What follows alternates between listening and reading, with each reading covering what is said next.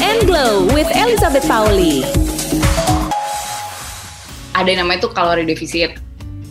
Dan orang-orang tuh kayak kalori defisit tuh dalam otak mereka adalah ngitung kalori mereka yang mereka makan.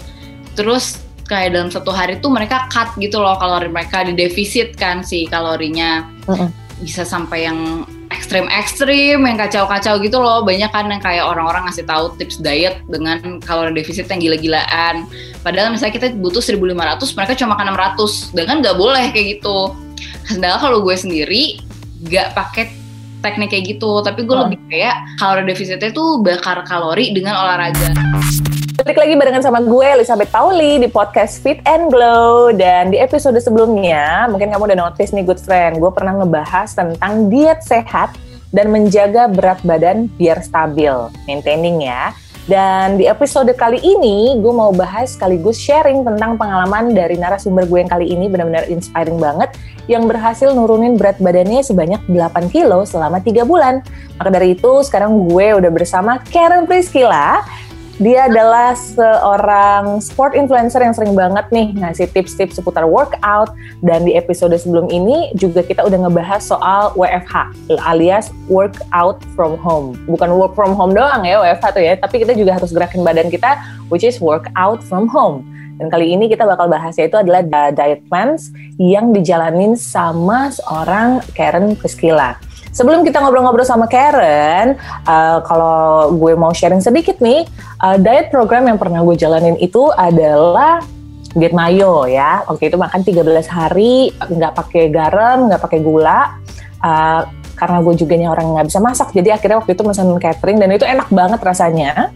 Uh, itu gue nyobain dua kali diet mayo di tahun 2020 awal sama di tahun 2021 uh, pertengahan.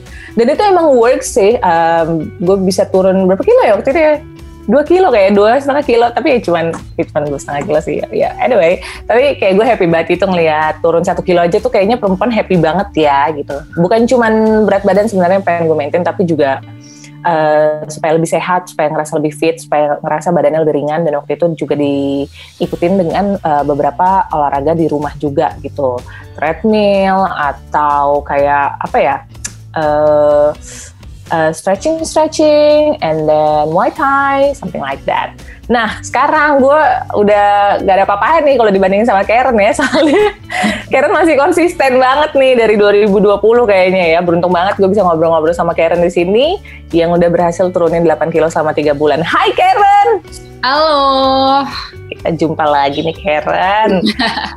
Aduh, kamu bikin sirik deh. Kok bisa turun 8 kilo sih? Sebel deh, gitu. Tapi kan 8 bulan. Tiga bulan, 8 bulan Oh iya. ya cuma turun satu bulan, kilo. salah, salah. gue yang salah. Tetap aja yang gue kagumi adalah selama tiga bulan tuh kamu konsisten gitu. Jadi eh, gue aja 13 hari tuh kayak, aduh come on buruan selesai gitu kan.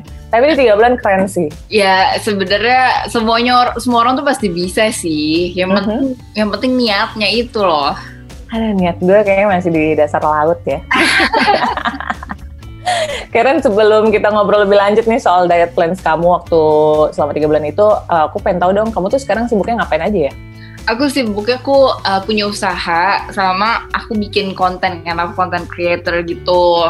Mm-mm. Terus ya kayak dibilang kan aku bikin konten tentang fitness fitness enthusiast gitu di TikTok. Jadi banyak kasih tips-tips nih buat olahraga. Nice. Jadi kalau di TikTok kamu ngasih banyak tips buat olahraga gitu ya? Betul Uh, betul. Buat level apa nih? Level yang udah canggih banget ya? Aku Enggak lah. sanggup deh.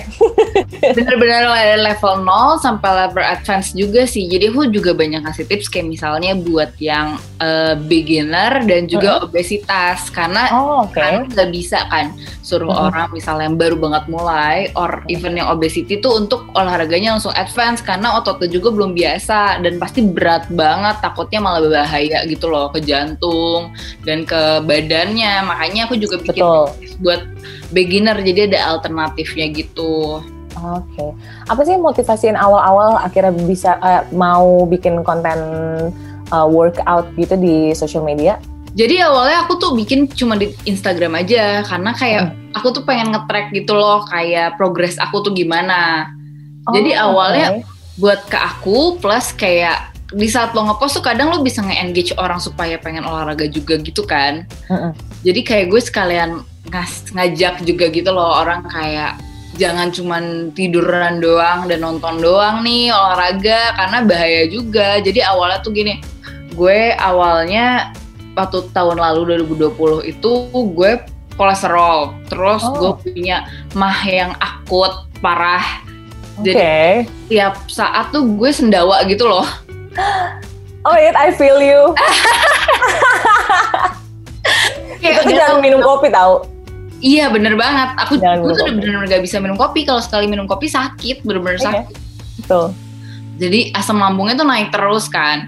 Asam Dan- lambung bahaya juga buat jantung kan Karen ya? Nah iya bener banget. Itu Bener. ternyata bukan cuma penyakit yang ece-ece doang gitu loh. Benar. Iya. Karena kan orang kira oh mah doang, padahal enggak. Mm-mm. Dan jelek banget. Gue ngerasa waktu itu kayak jelek banget. Masa gue setiap saat sen- sendawa sih aneh banget. Oh, ih perempuan macam apa sih? Kayak itu bahaya banget. Dan feel you plus, banget. plus metabolisme gue juga cukup kacau. Itu yang bikin gue naik sampai 8 kilo. Oke. Dan setelah itu akhirnya gue mikir nih kayaknya gue mulai harus mulai olahraga dan akhirnya gue olahraga mulai aja dulu gitu loh. Mm-mm. Segalanya tuh emang bener-bener kayak mulai aja dulu. Gue gue start terus gue mulai posting itu pertama di Instagram. Terus di Instagram gue mulai posting, gue mulai posting, terus gue ketemu sama uh, Kruiting. Mm-mm. Sama Kruiting, gue ketemu sama Kruiting, gue search di YouTube dan lihat schedule-nya gue ikutin kan, gue ikutin. Terus pokoknya gue uh, jalanin terus-terusan lah selama tiga bulan ini. Baru Nice. setelah itu tuh pas udah gue 8 kilo, baru gue mulai ke TikTok. Awalnya cuma jail-jail aja, kayak gue ikut challenge workout gitu doang. Tiba-tiba uh, blow up. Terus gue bikin workout yang makin blow up tuh karena gue bikin workout buat kaki gitu, leg day gitu loh. Oke. yang bener-bener yang baru dapet yang masuk satu juta viewers gitu. Nice. Ah, banyak orang yang mau workout kan setelah Hmm. itu mulai semenjak itu gue sering banget ngasih tahu workout plan gue dan segala Mhm. macam dan senang banget itu ternyata banyak juga orang yang ikutan workout eh, bareng udah kayak gerakan-gerakan yang gue kasih itu Nah selain olahraga nih Karen, eh, pasti kamu juga jaga makan dong. ya betul Nah di menu-menu sehari-hari kamu selama tiga bulan itu em, apa aja tuh yang kamu konsumsi? Honestly dari awal kan tujuan aku workout tuh sebenarnya balance life ya. Jadi bukan tujuan aku tuh sebenarnya bukan pengen nurunin tapi pengen stabil.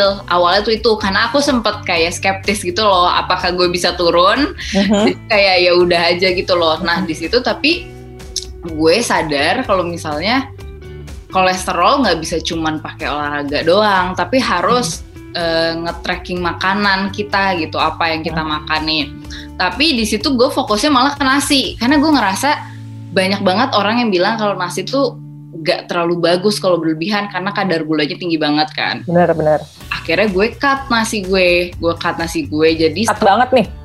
kenapa Cut half atau kayak cut half 100% gitu?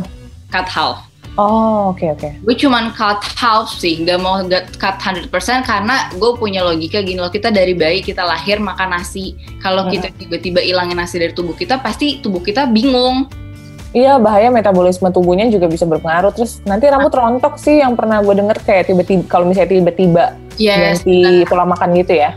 Jangan terlalu ekstrim gue tuh selalu Yes. bilang orang-orang jangan terlalu ekstrim karena kita harus ingat badan kita dari bayi itu biasa dengan makanan ini jadi Hmm. kalau kita tiba-tiba hilang bahkan semuanya hilang terus tiba-tiba kita cuman makan sayur or buah kacau sih di dalam Hmm. kayak pasti bener-bener mereka kaget gitu loh jadi kalau Hmm. mau berubah harus step by step nah makanya waktu itu gue kurangin nasi aja dulu setengah untuk lauknya gue tetap normal karena gue sadar workout gue sangat intens gue butuh tetap asupan masuk Mhm. jadi sekarang tuh orang kalau workout tuh tahu kan semuanya kayak ada yang namanya tuh kalori defisit Mhm. dan orang-orang tuh kayak kalori defisit tuh dalam otak mereka adalah ngitung kalori mereka yang mereka makan terus kayak dalam satu hari tuh mereka cut gitu loh kalori mereka di defisit kan si kalorinya Mhm. bisa sampai yang ekstrim-ekstrim yang kacau-kacau gitu loh. Banyak kan yang kayak orang-orang ngasih tahu tips diet dengan kalori defisit yang gila-gilaan. Padahal misalnya kita butuh 1500 mereka cuma makan 600 dengan nggak boleh kayak gitu. Sedangkan kalau gue sendiri nggak pakai teknik kayak gitu. Tapi gue Oh. lebih kayak kalori defisitnya tuh bakar kalori dengan olahraga.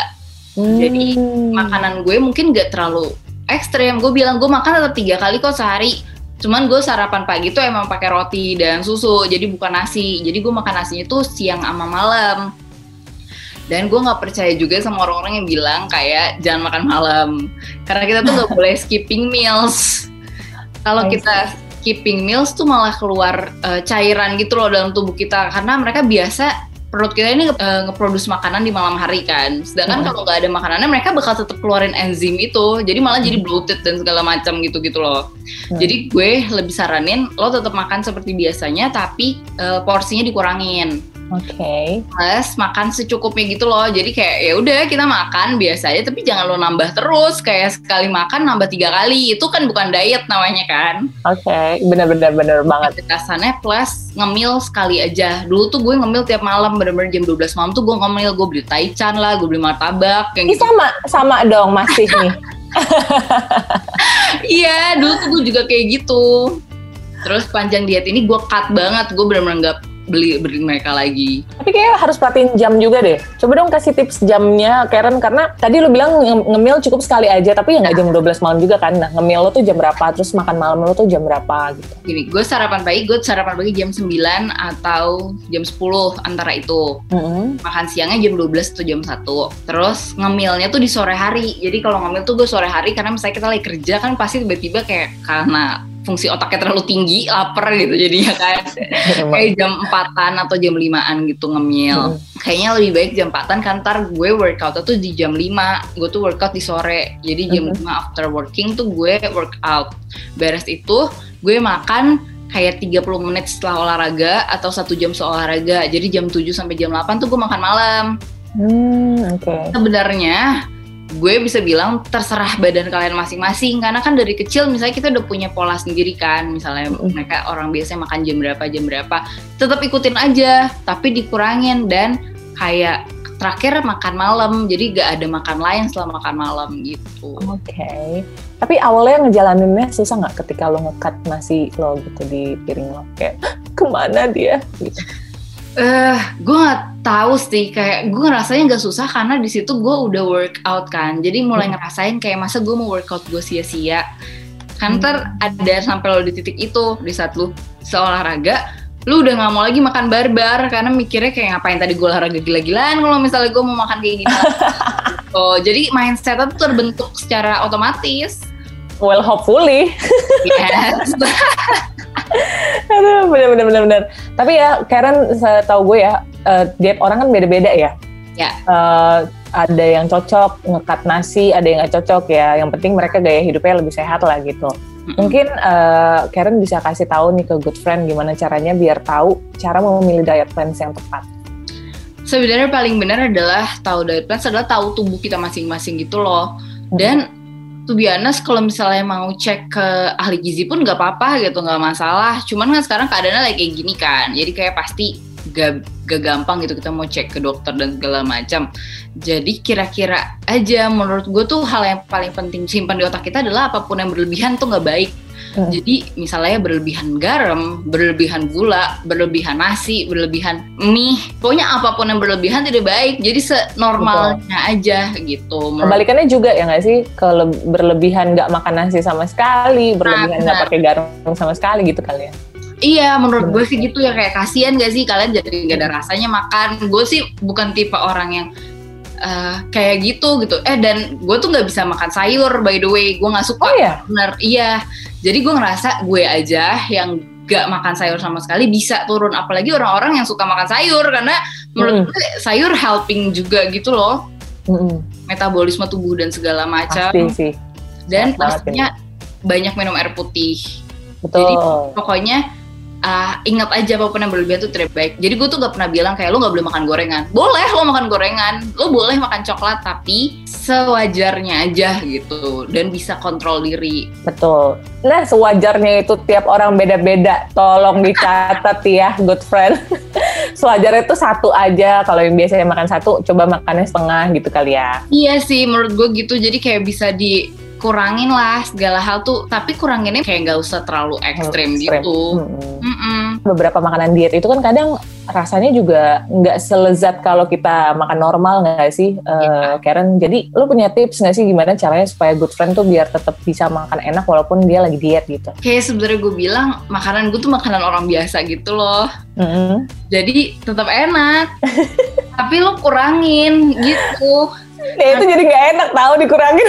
Ah. Berarti mindset ya, mindset juga nah, ya Karen ya. Nah, yang gue sebenarnya yang gue selalu ingatin adalah kalau orang ngomong ya itu mah gue nggak kenyang.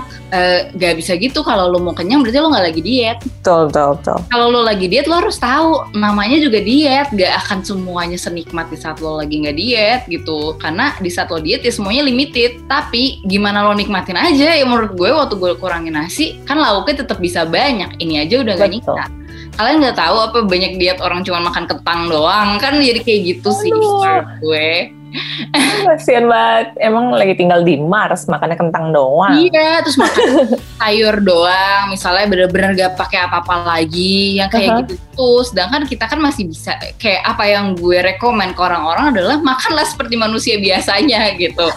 itu aja udah enak banget menurut gue. Itu the benefit banget dari diet. Yang pasti harus inget diet nggak akan seperti normalnya kita biasa gitu.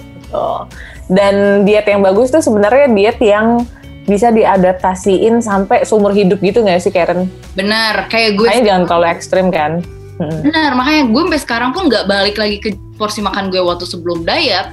Yes. Jadi gue udah terbiasa dengan itu. Ternyata ternyata badan gue bisa kok. Jadi kayak hmm. kalian tuh akan sampai di titik ternyata badan gue bisa ya makan yes. cuma gini nggak harus berlebihan emang apa namanya kayak never underestimate the power of your body juga ya sebenarnya ya ternyata badan lo tuh limitnya tuh nggak sampai di pikiran kita doang tapi ternyata bisa limitnya tuh jauh di, di luar batas pemikiran kita nice. kayak percaya deh sama badan kalian itu tuh capable of anything gitu loh sebenarnya yes. Bener-bener bener banget. Gila gue dapet banyak banget insight dari lo Karen. Thank you so much lo udah ngulangin waktu ngobrol-ngobrol di Fit and Glow. Sama-sama. Dan kalau teman-teman pengen lebih tahu juga tentang Karen, kamu bisa follow Instagramnya di @karenpriskila atau kamu main-main juga untuk dapetin tips um, workout di TikTok kamu bisa follow di @karenp tapi R-nya ada tiga ya, good friend. Dan buat teman-teman juga nih bisa dengerin Fit and Glow di Delta FM, Bahana FM dan Female Radio dari hari Senin sampai Jumat jam 10 sampai jam 4 sore. Thank you Karen. Thank you. Stay safe. Stay safe. Sehat terus Karen. Ditunggu video-video berikutnya. Iya. Yeah. Semangat terus ya. Oke. Okay. Bye bye. Bye bye. Fit and Glow with Elizabeth Pauli.